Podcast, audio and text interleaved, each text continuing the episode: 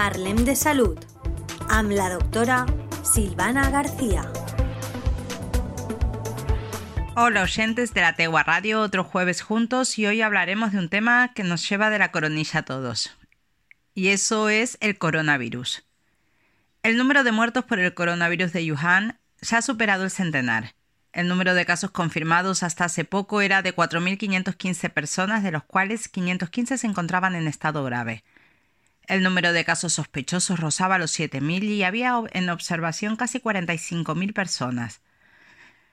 Pero ojo, de momento no tenemos casos confirmados en España, al menos hasta hoy. ¿Y qué es el coronavirus? Los coronavirus son virus RNA con una envoltura que se dispone de una forma parecida a una corona, de ahí el nombre. Las infecciones por coronavirus en seres humanos con frecuencia causan síntomas de resfriado común. Los tipos 229E y OC43 son los responsables del resfriado común. Los serotipos NL63 y HUK1 también se han asociado al resfriado común. Hay dos coronavirus, el MERS y el SARS, que causan infecciones respiratorias en los seres humanos mucho más graves que otro coronavirus. En el 2012 se identificó el coronavirus MERS como la causa del síndrome respiratorio de Oriente Medio. A finales del 2002, el SARS fue identificado como la causa de un brote de síndrome respiratorio agudo grave. ¿Y cómo se transmiten las infecciones por coronavirus?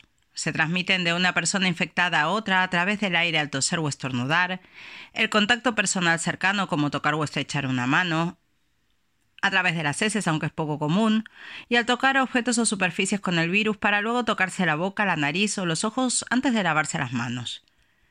¿Quiénes están en riesgo de contraer esta infección? Cualquier persona puede contraer la infección por coronavirus, pero los niños pequeños, inmunodeprimidos, personas mayores o con otras enfermedades tienen más probabilidades de infectarse. ¿Cuáles son los síntomas de las infecciones por coronavirus? Bueno, depende del coronavirus y de la gravedad de la infección. Si tiene una infección en las vías respiratorias superiores leve o moderada, como el resfriado común, sus síntomas pueden ser secreción nasal, dolor de cabeza, tos, dolor de garganta, fiebre y malestar general. Algunos coronavirus pueden causar síntomas graves. Las infecciones pueden convertirse en bronquitis o neumonía y causan síntomas como fiebre muy alta, tos con expectoración, falta de aliento, dolor u opresión en el pecho cuando se respira o tose. Las infecciones severas son más comunes en personas con enfermedades cardíacas o pulmonares, personas con sistema inmunitario debilitado, bebés y adultos mayores, como hemos dicho antes. ¿Cuáles son los tratamientos para las infecciones por coronavirus?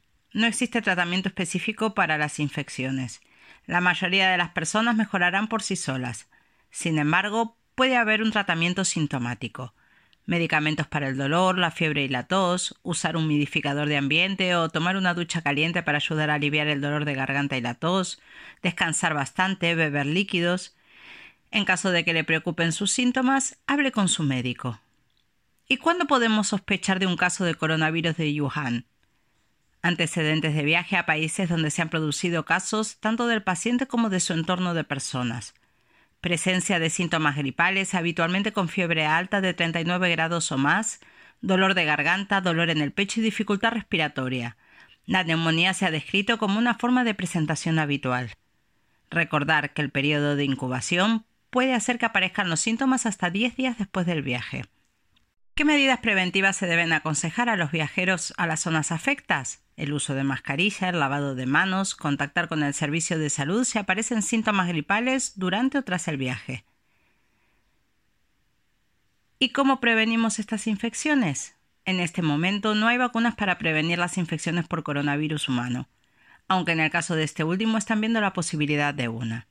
Recuerden, la mejor manera de prevenir enfermedades es lavarse las manos con frecuencia con agua y jabón durante al menos 20 segundos evitar tocarse la cara, la nariz o la boca con las manos sin lavar, evitar el contacto cercano con personas enfermas, limpiar y desinfectar las superficies que toca con frecuencia, cubrirse la tos y los estornudos con un pañuelo de papel o con el codo, y luego desechar el pañuelo y lavarse bien las manos. Quedarse en casa cuando uno está enfermo. Y recuerden, que hasta el momento no hay ninguna evidencia de que el virus tenga la misma gravedad que otros coronavirus como el SARS y el MERS que nombré anteriormente. Espero que les haya gustado, los invito a compartir. Gracias por estar, hasta el próximo jueves los saluda Silvana. De salud. Am la doctora Silvana García.